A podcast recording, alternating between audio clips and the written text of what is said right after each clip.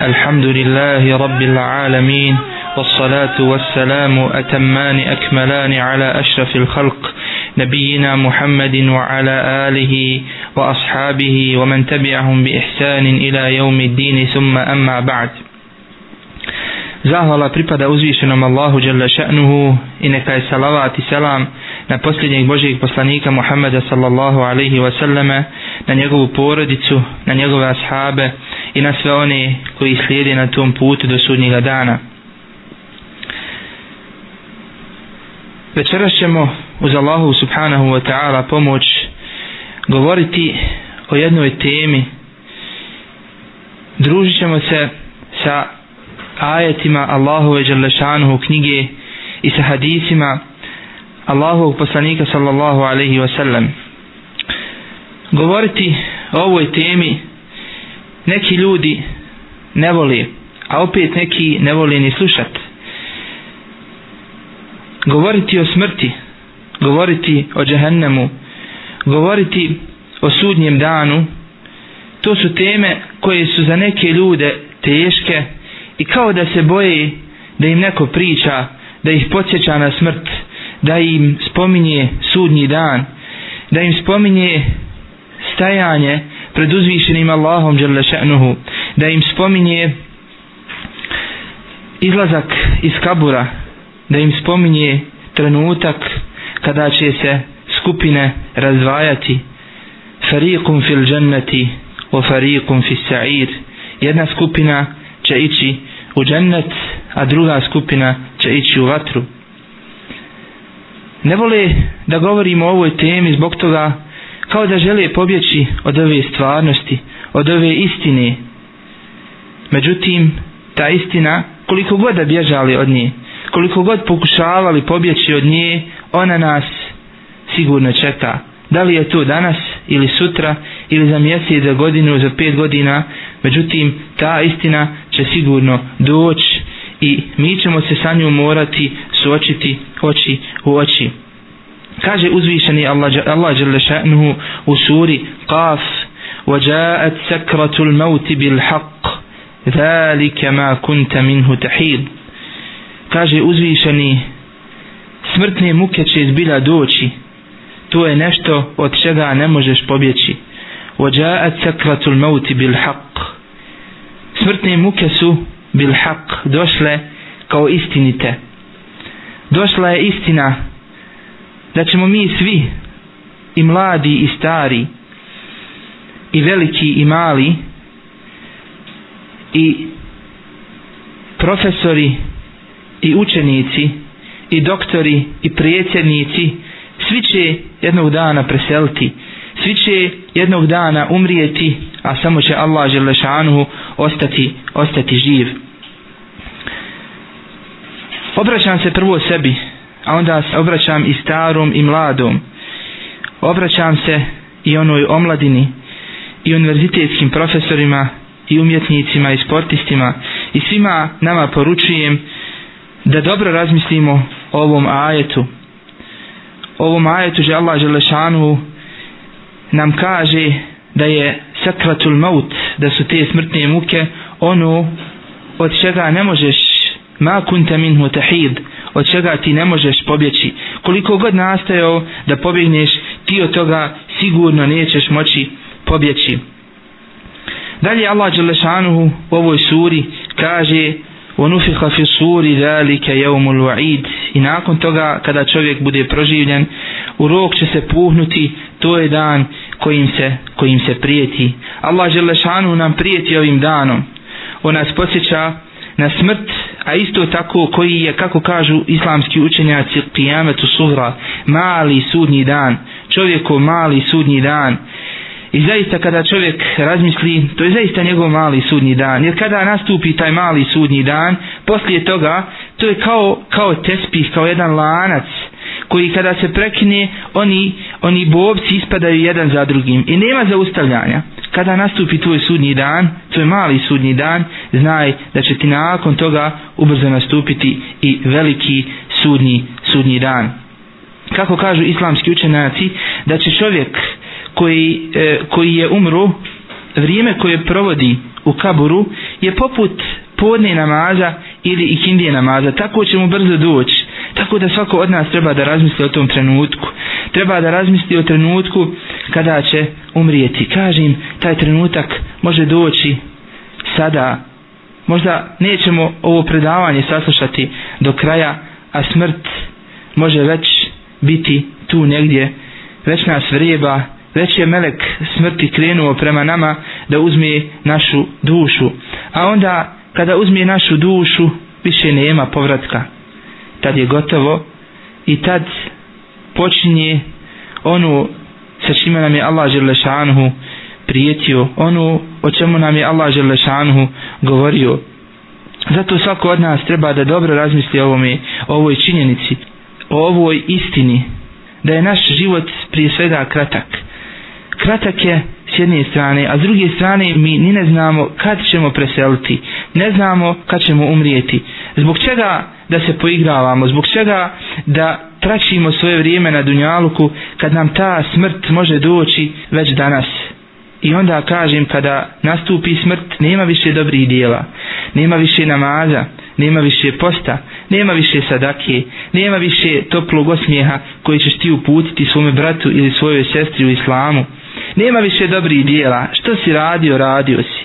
Kada bi potrošio sve na Dunjaluku, ne bi se mogao više vratiti. Na kraju krajeva šta je Dunjaluk? Čitav život si radio i sakupljao. I onda spustio si fino ruke niza se. Stavili su te na tabut, okupali te tvoji najbliži, ponijeli te na svojim ramenima i spustili te u tvoj mezar. Nakon toga se vratili svojoj, svojoj, odnosno tvojoj kući. Tvoja žena se možda ubrzo udala. Tvoj metak je počeo koristiti njen čovjek koji je na kraju krajeva stranac u odnosu na tebe. Tvoju djecu koju si ti ostavio za sebe, on ih je počinio robovima, sad ga oni služi. E to je dunjaluk. Čitav, čitav život si radio, čitav život si sakupljao imetak da bi ga na kraju ostavio. Ostavio ga drugom čovjeku da se ovo naslađuje. Tvoji djecu koju si, koju si sa svojom ženom izrodio i odgajao, sad su oni robovi i sluge drugom čovjeku. Vidimo kako je ovaj dunjaluk prezren, kako je ovaj dunjaluk ništavan, a ljudi se toliko oko njega vrti, samo o njemu danonoćno razmišljaju, a nikako da razmisli o ovoj, o ovom trenutku, o ovoj istini koja za koju nam poslanik sallallahu alaihi wasallam kaže aksiru min zikri hadimil ladzat puno se sjećajte nije nam rekao poslanik sallallahu selam nemojte nikad razmišljati kako se ne bi prepadali.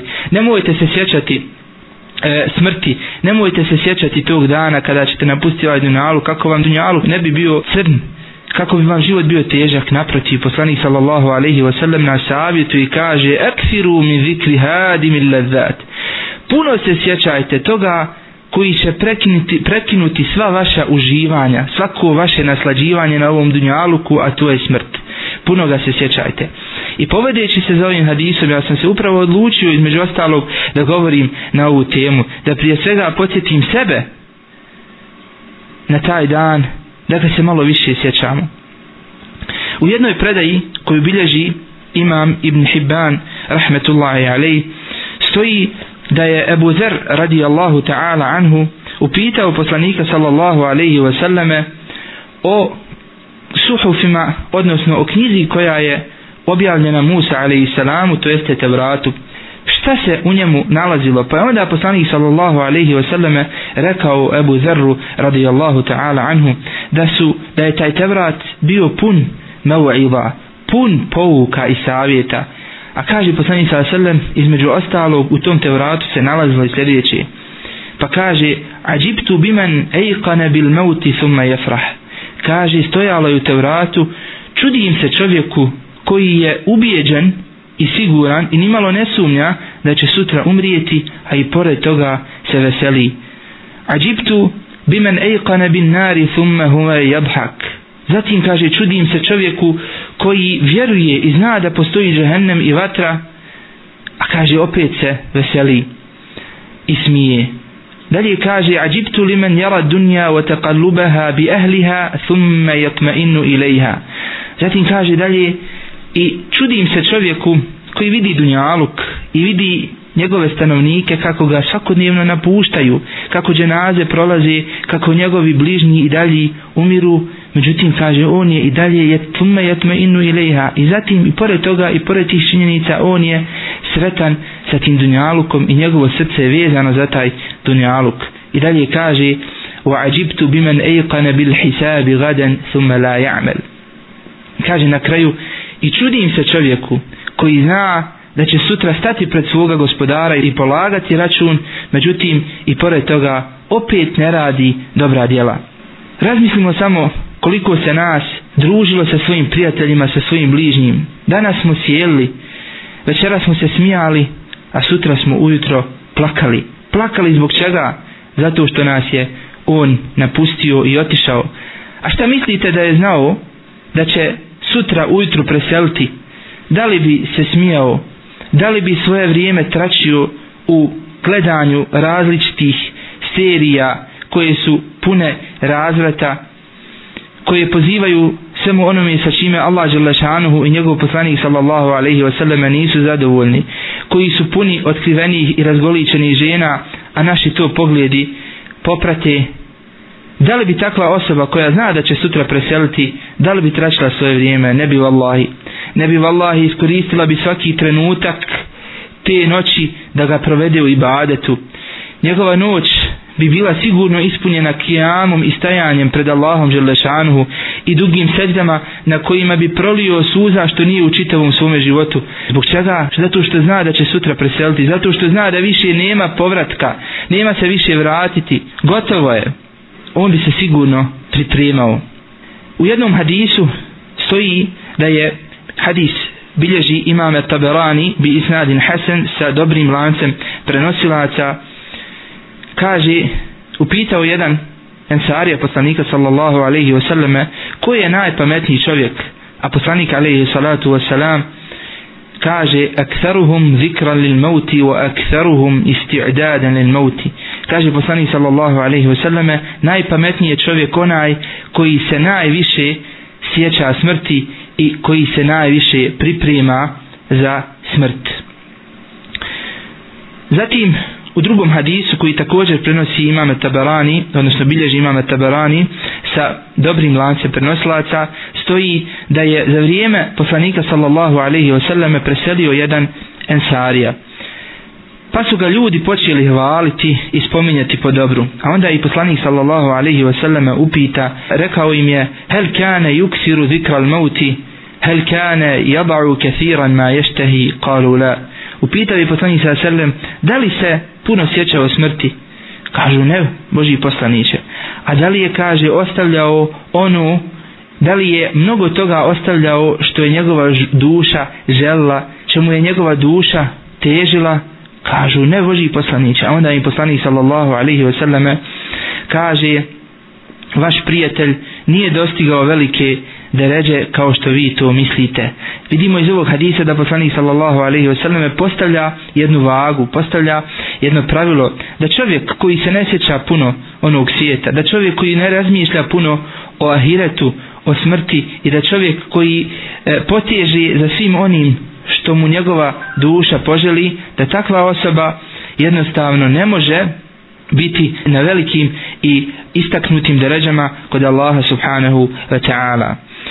Prenosi se da je poslanik sallallahu alaihi wa sallame, kako to bilježi imam ibn Mađe, bi Hasan, također sa dobrim lance prenoslaca, stoji da je poslanik sallallahu alaihi wa sallame prisustvovao ukopu jedne dženazije.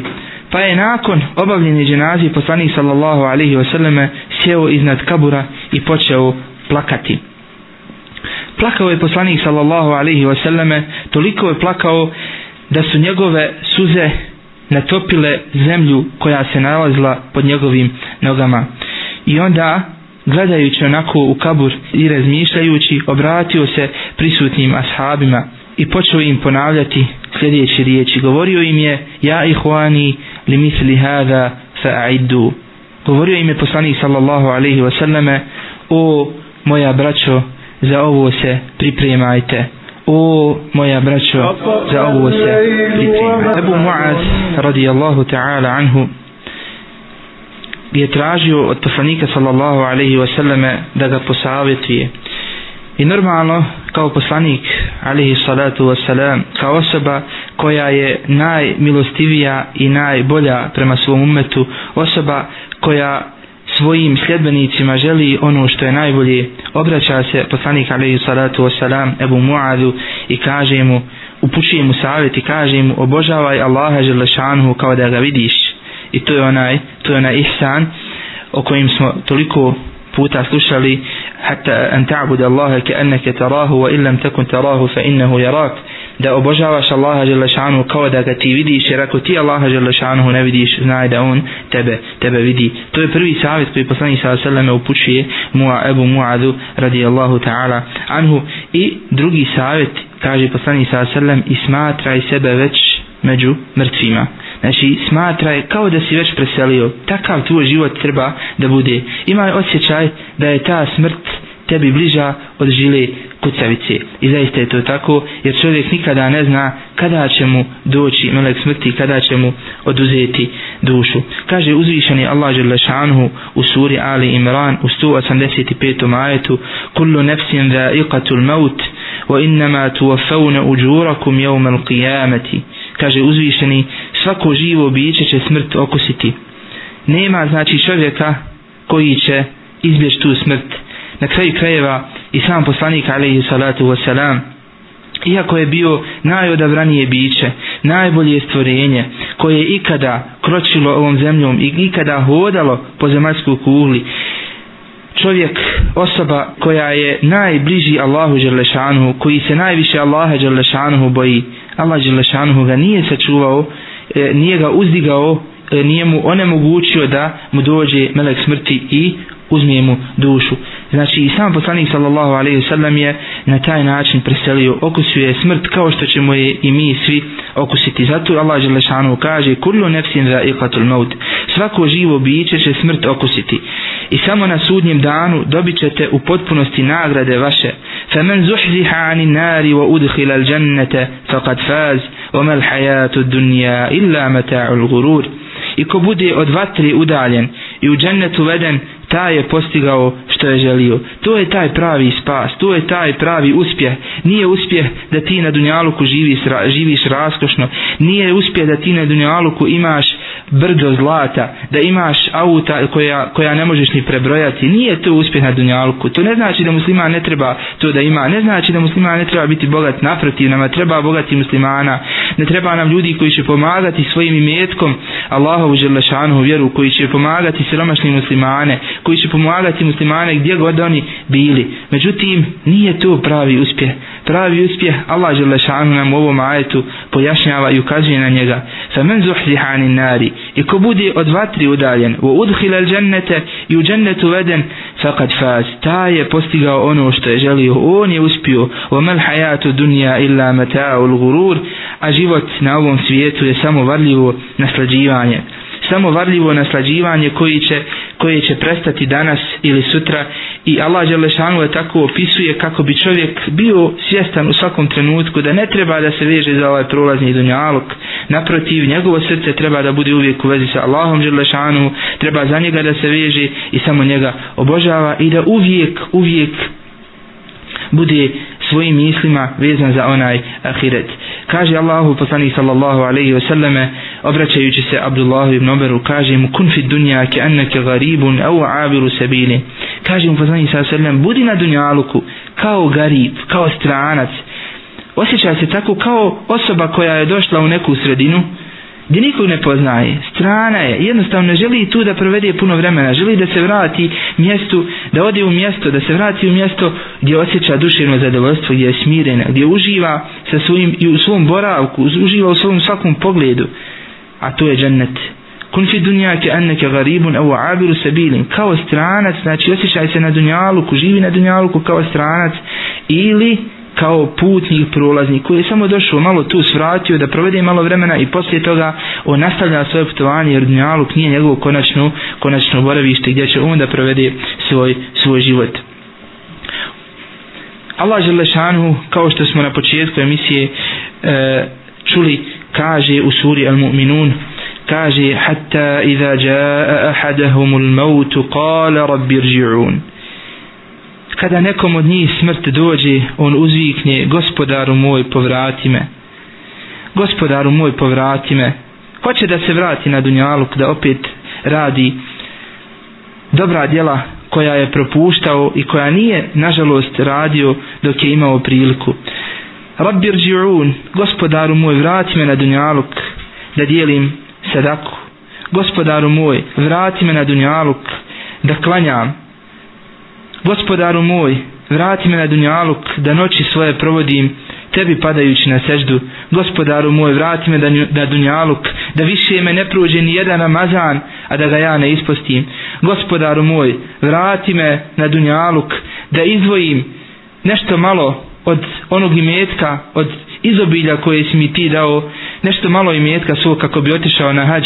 Gospodaru moj vrati me na dunjaluk kako bi činio dobročinstvo svojim roditeljima.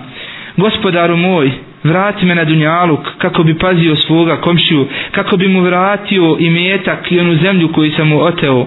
Gospodaru moj vrati me na dunjaluk kako bi učio tvoju knjigu kako bi iščitavao tvoje ajete. Vrati me na dunjaluk kako bi pustio suzu i svog strahopoštovanja i zbog obojaznosti prema tebi vrati me na dunjaluk da pomognem onog jetima da ga pomilujem svojom rukom po glavi da obrišem njegovu suzu sa lica, vrati me da na Dunjaluk, da pomognem onog miskina koji nema šta da jede. On upravo to i kaže u nastavku ovog ajeta, kaže la'alli a'malu salihan fima tarakt. Vrati me na dunjaluk, gospodaru moj, da uradim kakvo dobro u onome što sam ostavio. Međutim, šta je on tu ostavio? Ostavio je zemlju koju je uzurpirao od svog komšije, ostavio je svoju uplakanu majku i tužnog oca koje nikada u životu nije dovoljno cijenuo. Ostavio je kamatu koji je čitav život sakupljao i s njom se hranio. Takvog Allah Đelešanuhu neće vratiti i neće mu omogućiti. I zato mu Allah subhanahu wa ta'ala dalje u nastavku ajeta kaže Kella innaha kelimetun huwa qailuha.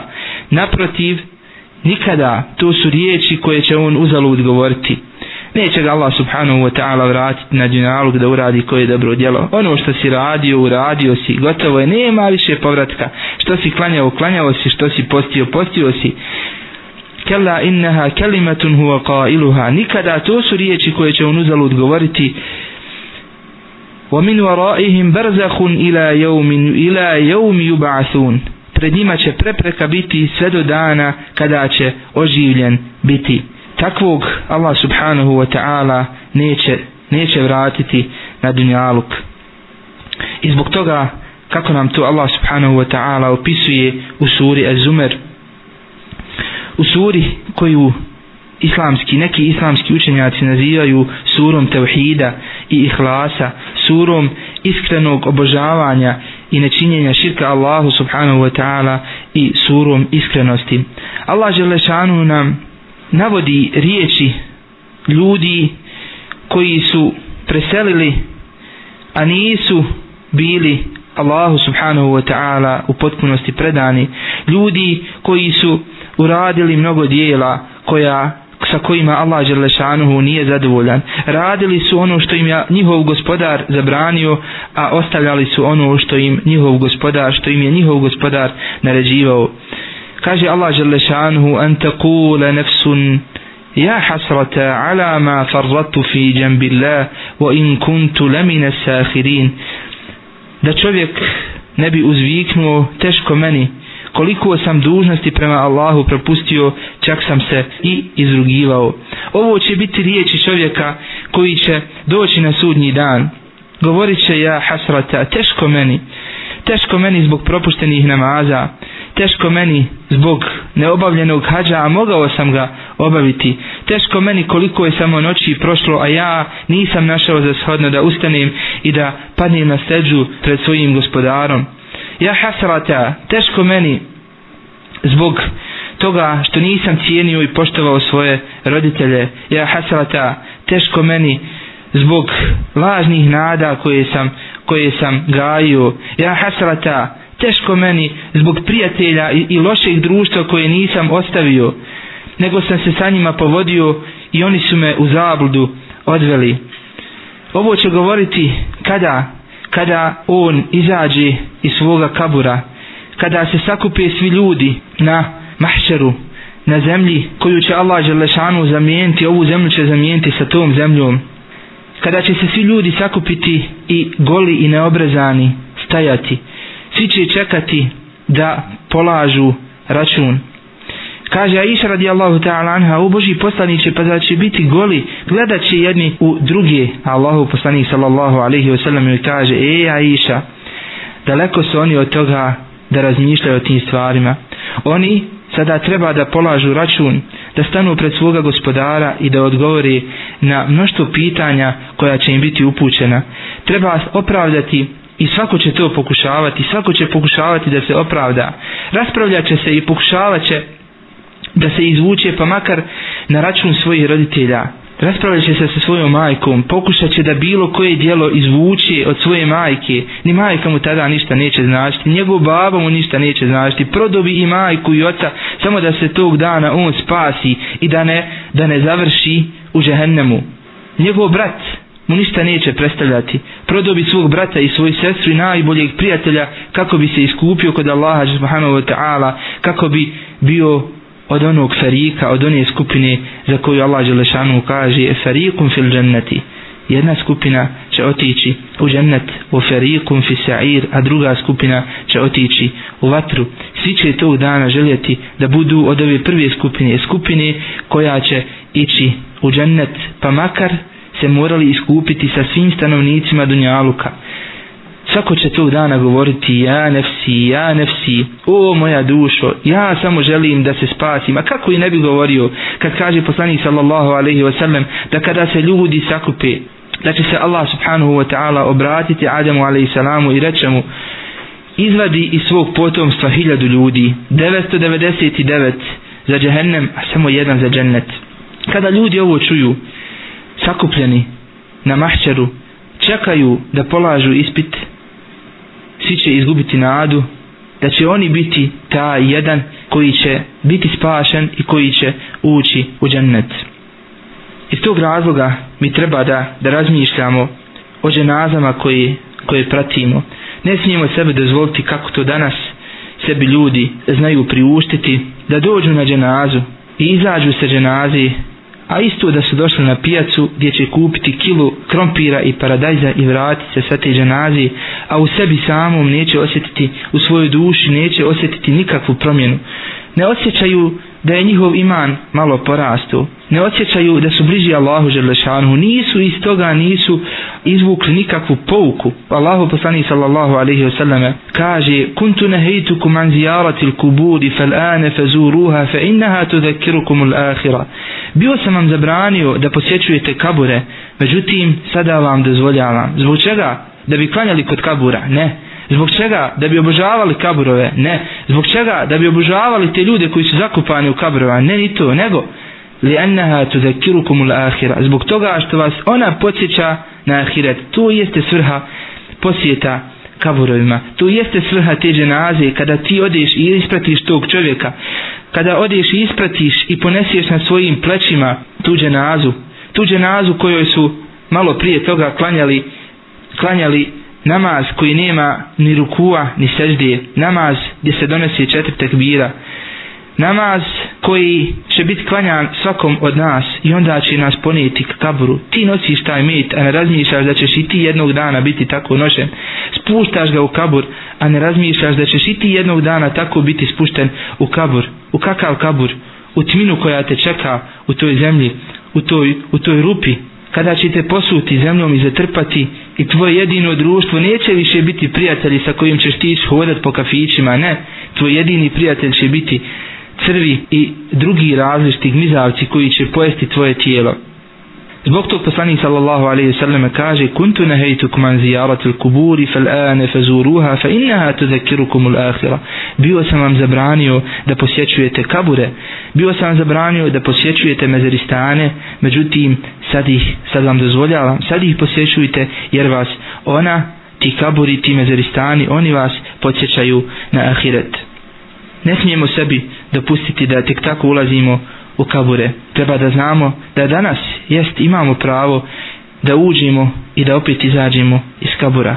I sutra ćemo ući izaći iz kabura, ali znajmo da će doći jedan dan kada ćemo ući u taj mezaristan, u taj kaburistan i više nećemo iz njega izaći sve do onog trenutka do kada neće pu, kada će puhnuti Israfil u, u sur jednom pa drugi put a kada onda puhne onda ćemo zamislimo samo sebe kako nam se, kako nam se naše tijelo sakuplja i puno, ponovo izrasta u odraslu osobu kako izrasta tijelo iz onog, iz onog ostatka koje je Allah Đelešanuhu sačuvao. Kako se zamislimo sebe kako se kabur iznad naših glava otvara i mi izlazimo iz skupine ljudi kreću ka mahšeru skupine ljudi kreću da stanu pred Allaha Đelešanu i svako pojedinačno položi, položi račun.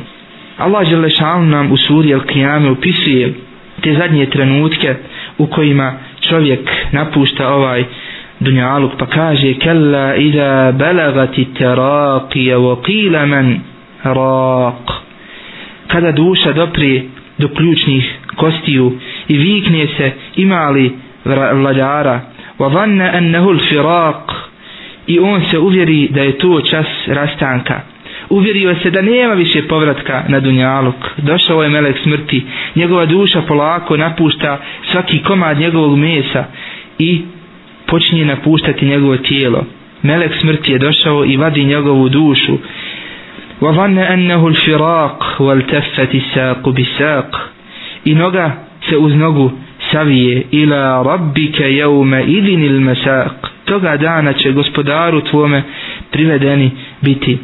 Toga dana će preseliti i toga dana kada nastupi sudnji dan svi će biti privedeni pred svoga gospodara i pred njim će polagati račun. Tada će dosije svakog od nas biti otvoren i biti izložen pred svim ljudima kakav je tvoj dosije? Da li si ti od onih za koje Allah Đelešanuhu u nastavku istove sure dalje kaže فلا صدق ولا صلى ولكن كذب وتولى nije vjerovao i nije namaz obavljao nego je poricao i leđa okretao molim Allaha subhanahu wa ta'ala da nas ne učini od ovih ljudi koji će ovako reći možete samo zamisliti kakva će osjećanja i koju će tugu i bol osjećati ljudi koji Allahu subhanahu wa ta'ala nisu padali na seždu sutra valja stati pred Allaha želešanuhu treba izaći pred njega i položiti račun. Pa šta mislite ne do Allah da se nekom od nas kaže fala saddaqa wala salla.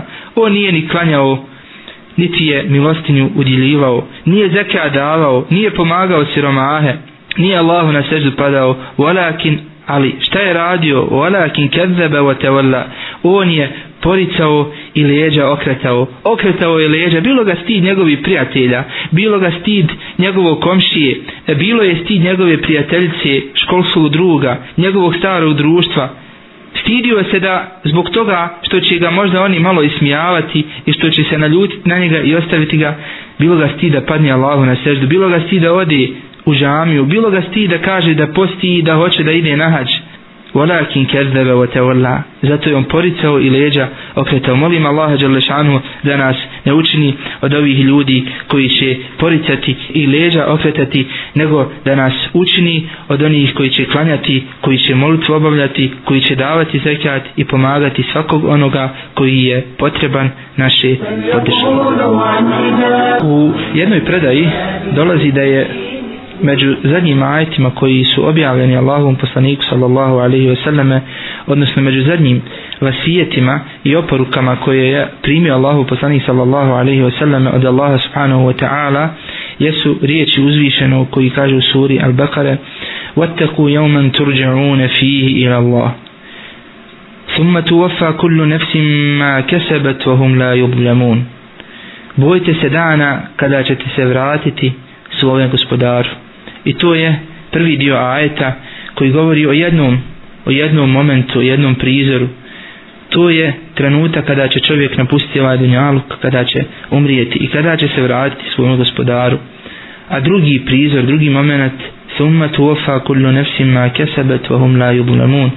I tada će svaka duša, svaki čovjek biti nagrađen onako bima kesebet, ma kesebet, nefsim ma kesebet, ono što je uradio i njima neće biti nepravda učinjena. Allah Želešanhu nikome neće nepravdu učiniti.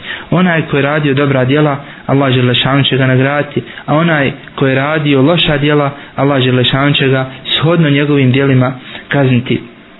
Zato se trebamo pripremiti za taj dan i nemojmo misliti da ćemo zbog našeg porijekla, zbog našeg ugleda, zbog imetka koji imamo biti toga sačuvani.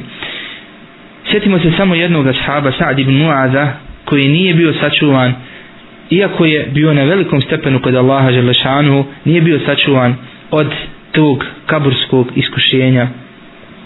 U jednom hadisu nam dolazi da je Allahu poslanik sallallahu alaihi wasallam kada je Sa'd ibn Mu'az radijallahu ta'ala anhu preselio da je poslanik alaihi salatu wasalam otišao i krenuo ubrzanim korakom do njegove kuće kako bi bio u tim prvim trenucima njegovog preseljenja tu. Međutim, kada je došao tamo, kako kaže poslanik sa selem, njegova kuća je bila puna meleka. Puna meleka koji su ga gasulili. Bila je toliko ispunjena da poslanik sallallahu alaihi sallam nije mogao ući u sobu. Sve dok se jedan melek, kako stoji predaj, nije pomakio svoje krilo, pa onda poslanik sallallahu alaihi wasallam je ušao i onda mu Džibril alaihi salatu vesselam koji je bio tu prisutan kaže da se zbog smrti Sa'd ibn Mu'adha zatrisao arš milostivog. Zatrislo se prijestolje Allaha Đerlešanu zbog toga što je preselio Sa'd ibn Mu'ad. Takvi su bili ashabi, takvi su bile prve generacije koji su bili iskreni sprem uzvišenog Allaha Đerlešanu i koji su slijedili svoga poslanika Muhammeda sallallahu alaihi wa sallam fi kebiratin u fi sagiratin i u malom i u velkom nije bilo nije bilo ništa što su oni željeli ostavljati. Željeli su da budu u sto posto u potpunosti pokorni koliko god su mogli shodno svojim mogućnostima da budu pokorni Allahu Đelešanu i njegovom poslaniku alaihi salatu wasalam. Oni su to i radili i trudili su se da takvi budu.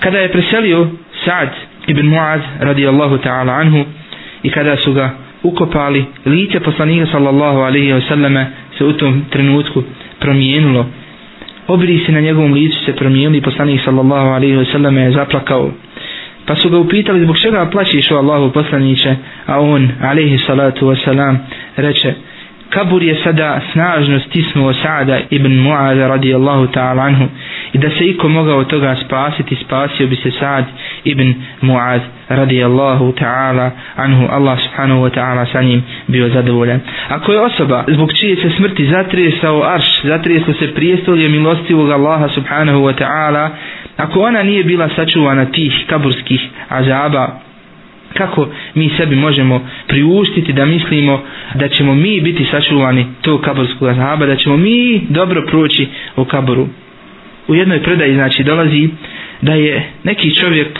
putovao i u svom, na svom putovanju se umorio te je naišao pored jednog mezaristana i stao tu kako bi se malo odmorio kako bi malo odspavao i nakon toga osvježio znači svoje tijelo, odmorio se i nastavio svoje putovanje.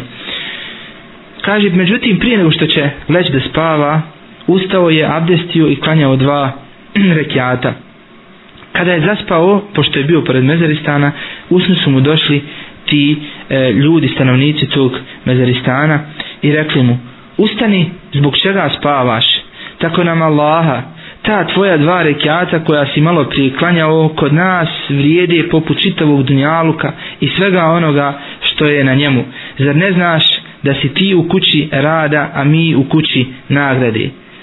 Vidimo kako razmišljaju oni koji su napustili ovaj dunjaluk, oni koji su već otišli svome gospodaru, oni koji već bi idni lahi ta'ala uživaju u tom kaburu jer kako to kako nam na to ukazuju uh, ajeti i, i hadisi da će čovjek jeli uživati u svome kaburu odnosno ako nije bio kako treba ako nije bio vjernik da će se da će se patiti u svome kaburu pa tako vjernik kada bude spušten u kabur dolazi mu jel tako onaj meleci i postavljaju tri pitanja koje je poznato ko ti je gospodar ko ti je poslanik koja ti je vjera onaj koji odgovori njemu prvo pokažu kažu mu pogledaj se sve lijeve strane pa mu pokažu uh, jednu džehennemsku provaliju mjesto u džehennemu pa mu kažu ovo je trebalo biti tvoje mjesto u džehennemu. Međutim Allah Želešanu te sačuvao i uputio te i pomogao te i ti si zato zaslužio Allahovom dželešanom milošću džennet pa mu onda kažu pogledaj se svoje desne strane on pogleda i vidi svoje mjesto u džennetu. I kada vidi to svoje mjesto u džennetu on kaže ja rab, rabbi aqimi sa aqimi sa. U gospodaru